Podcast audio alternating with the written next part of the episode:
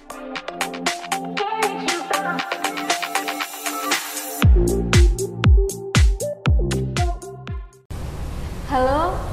apa kabar? Eh, berjumpa lagi dengan saya Jessica dan sebelah saya Pak Jo, Pak Yongki. Eh, selamat berjumpa di channel DKM dan inilah podcast kami tentang Nyai Putut. Eh, kalau boleh tahu nih Pak, perkenalan dulu. Juga nggak tahu Pak Yongki. Oh gitu, ya ya mbak ya. Jadi Pak Yongki ini kalau setahu saya adalah orang seniman yang juga mendaftarkan Nyai Putut ini ke WBTP. Iya. Kalau lebih lengkapnya, Eh, gini, nama saya lengkap Yongki Irawan. ah, Cuma di Kota Malang saya banyak dipanggil Mbah Yongki. Dulu saya seorang penari, gitu. Jadi basic saya penari, tapi sejak kecil saya terjun di pencak dor, pencak tradisional. Nah, agak remaja semacam anak-anak sekarang yang ada di kampung-kampung, saya ikut jaranan. Ya, nah setelah itu ya sejak 60 sebelum era G30S saya sudah bergerak di budaya. Nah, rame-ramenya kesenian kami berangkat bermain tari. Nah, setelah itu di era 90-an saya sudah mulai turun sebagai seorang penari, maka saya berubah berpikiran tentang budaya tradisional yang ada di masyarakat. Karena hari-hari ini kalau kita lihat gitu, kita dengarkan permainan rakyat itu serap sekali di pikiran anak muda, selalu efeknya mitos. iya. Nah, apalagi permainan kami yang namanya Nyai Putut.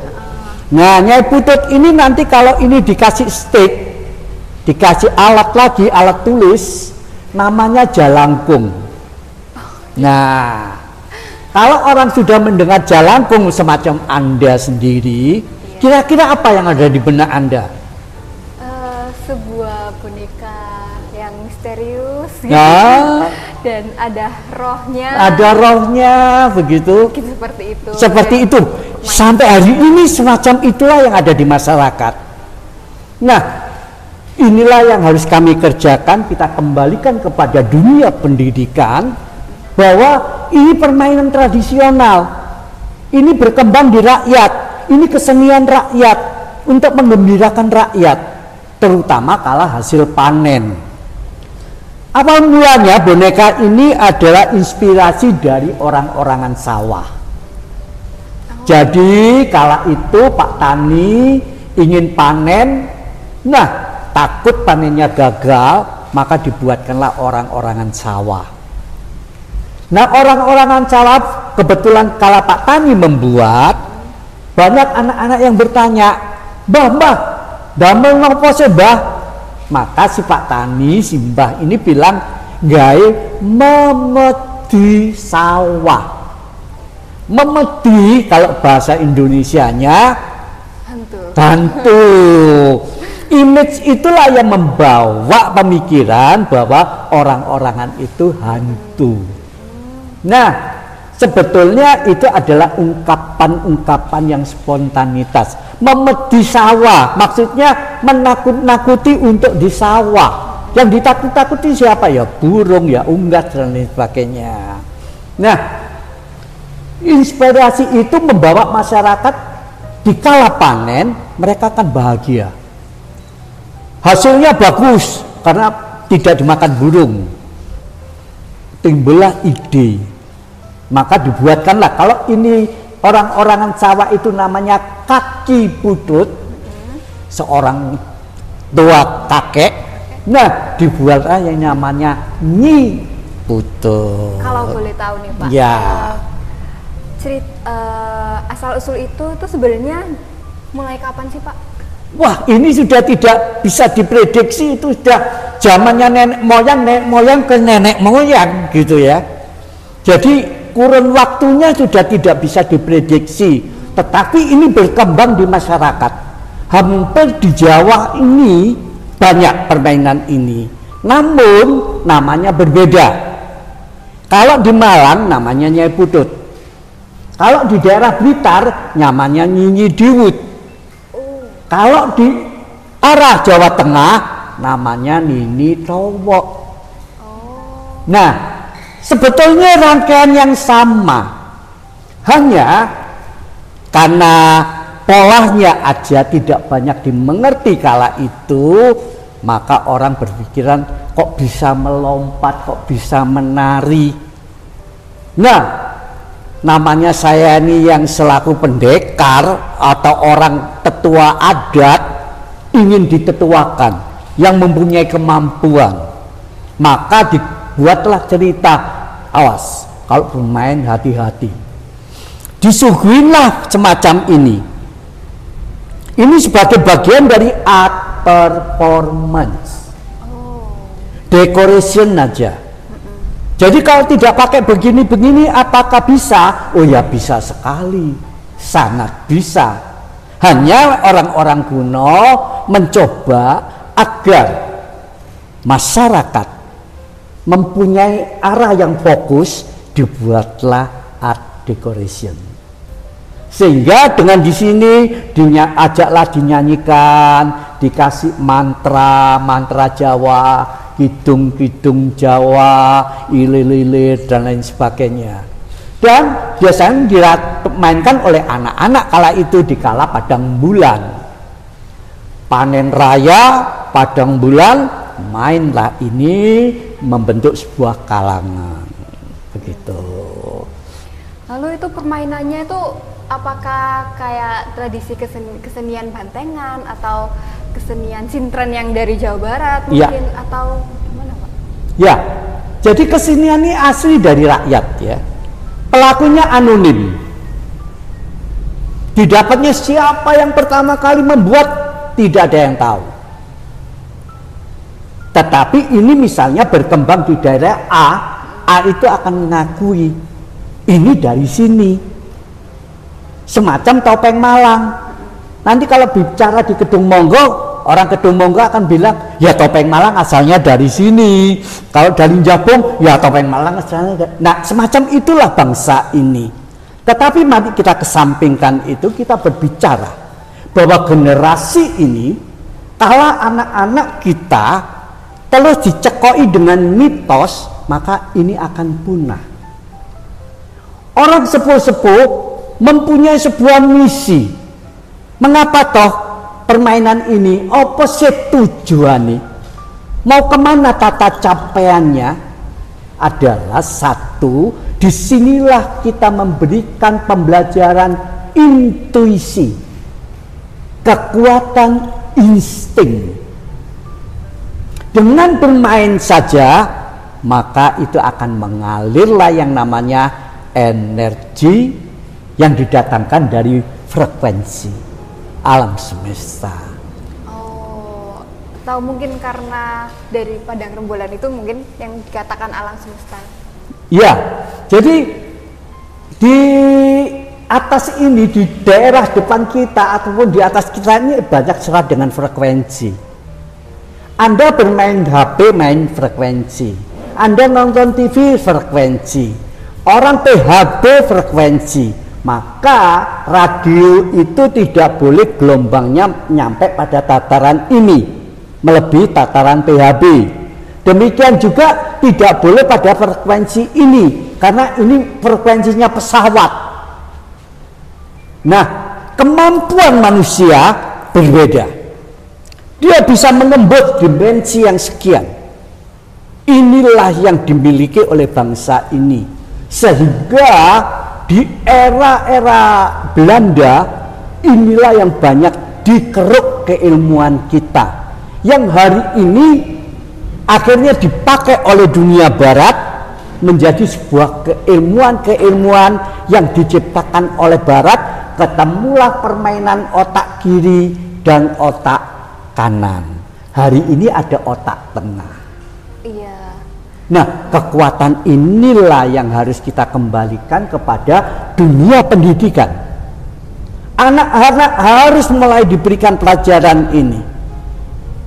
Karena di sini mereka harus mengasah kemampuan, fokus, Nah, kalau mereka bermain begitu maka terjadilah frekuensi gelombang antara pemain.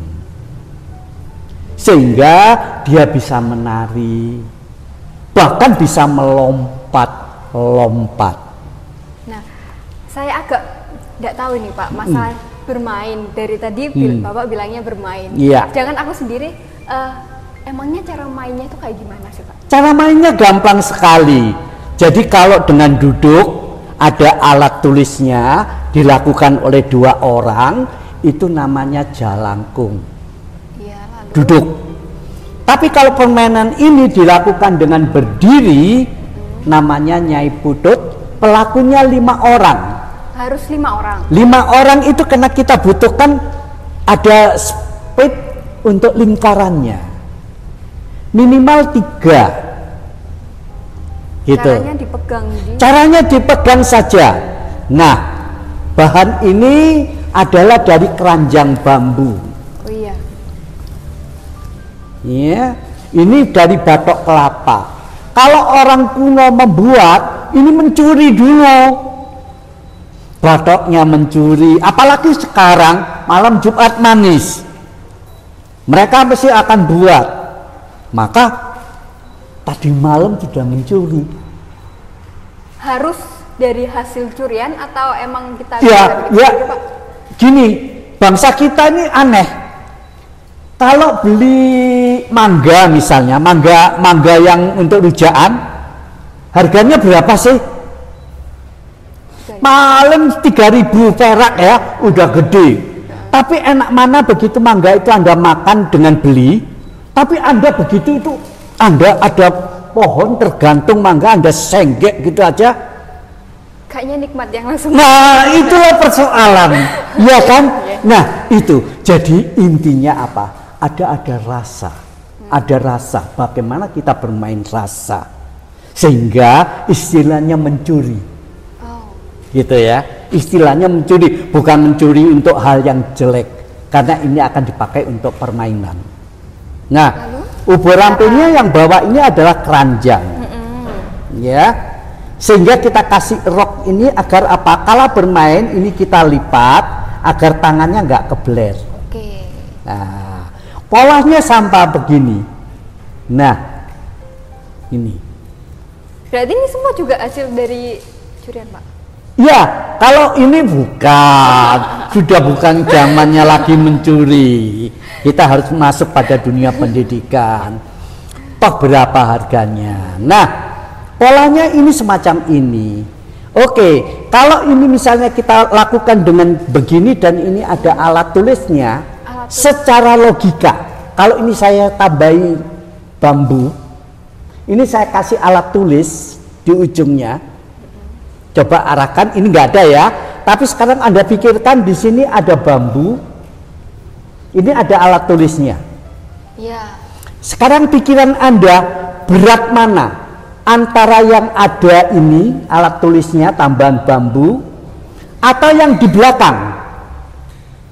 Maksudnya di belakang, Pak? Berat berat ini. boneka ini condong berat ke mana? Ke depan. Ke depan. Depannya yang mana? yang yang ada bambunya. Oh, iya, Logika kan? Logika kan? Ya, nah, maka kalau sudah permainan ini jalangkung jalang saya kan beratnya di sini.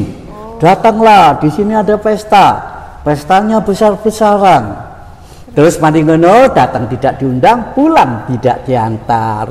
Kalau sudah datang tunduklah ada. Kita dihipno kalau sudah datang tunduklah.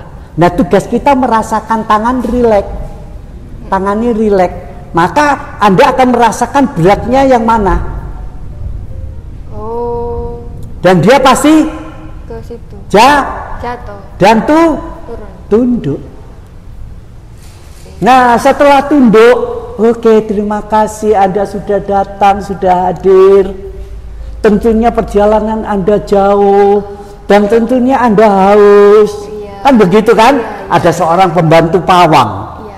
Maka pawang akan bilang, "Oke, okay, saya kasih minum dulu." Nah, biasanya mau kopi, mau teh dan lain sebagainya. Di sini ada bandol kunci yang tengahnya ada lubangnya. Seolah-olah itu alat untuk minum dia kala begini, akhirnya gadul toh. Ya. Dikasihlah dia minum. Monggo silakan minum dan lain sebagainya. Oke. Setelah Anda selesai haus, oke silakan Anda berdiri, maka dia akan karena kita terhipno dia akan kembali lagi. Nah, berikutnya ada kesalahan proses. Maka dia bertanya, yang datang ini siapa? Ya kan? Tuliskan namanya, maka dia akan ini dan perasaan kita akan membawa dia untuk mulai menulis. Menulis pun tidak harus kita bisa membaca dengan baik, namun kita pun tetap memakai insting. Oh itu ada huruf kayak S, oh iki ono A, oh iki R dadine, oh namanya Mbak Sari. Nah, semacam itu. Berikutnya ada juga kesalahan di bangsa ini yang ditanya matimu kena apa? Lah apa mati ditakokno iku lho ya. Iya, iya. Nah, kadangkala jawabnya gantung diri, kadangkala jawabnya ketabrak motor, kadangkala bunuh diri. Gitu. Jadi nggak pernah mati sakit, nggak pernah. Gitu, ya. Nah, inilah yang eh, saya bilang adalah pembodohan-pembodohan yang harus mulai dirubah. Berikut yang terakhir, intinya membuat jalangkung itu adalah untuk mencari nomor. Kalau orang dulu gerandong. Nah, pertanyaannya yang terakhir akhirnya nyampe pada titik poin nomor piro. Paham? Ya, Pak. Ya. Nah, nyampe di nomor piro dia akan menulis pula. Oh, Oke. Ya kan? Nah, dalam menulis ini, ini adalah insting kamu dan insting saya. Oh, Karena kita yang bermain. main. Iya. Ya, di sini pun tulisan itu pun menjadi rekayasa juga. Kayak tol usum nalu atau togel itu angkanya angka setan. Maksudnya apa? Kita masih harus meramesi lagi. Nggak mungkin, oh itu angka satu, angka dua, angka tiga. Oh kok mirip angka satu? Kok mirip angka tiga? Nah, kepekaan insting kita lah yang masuk ke dalam. Gak, iki pas, iki telu, sing ketok. Oh pas, iki limo. Karena kekuatan ini, inilah yang mempengaruhi dimensi frekuensi. Itu yang dimiliki orang-orang kuno. Nah, kalau Nyai Putut ini dilakukan dengan berdiri. Lima orang. Nah, karena ini permainan, karena ini dolanan, maka tidak ada misalnya semacam itu tadi ditanya nomor, ditanya namanya siapa, tidak. Namun diharapkan dinyanyikan Nyai-Nyai Putut lek teko jumlah-jumlah. Apa itu Pak jumlah-jumlah? Jumlah-jumlah itu melompat-lompat. Nah, ya kan? Nah, balik lagi karena kita bermain berlima gitu dan kita punya gravitasi bumi. Ada teknis pola badan dan lain sebagainya. Nah, di situlah maka permainan ini nantinya akan bermain dengan baik. Untuk hal-hal yang menuju pembuktian, kami punya banyak contoh, kami banyak VCD, banyak foto yang telah kami kerjakan dengan permainan ini. Wah, sebentar Pak. Hmm. Kayaknya bakalan seru kalau dilanjut segmen berikutnya kali ya. Boleh. Kita ke segmen berikutnya aja ya. Tunggu.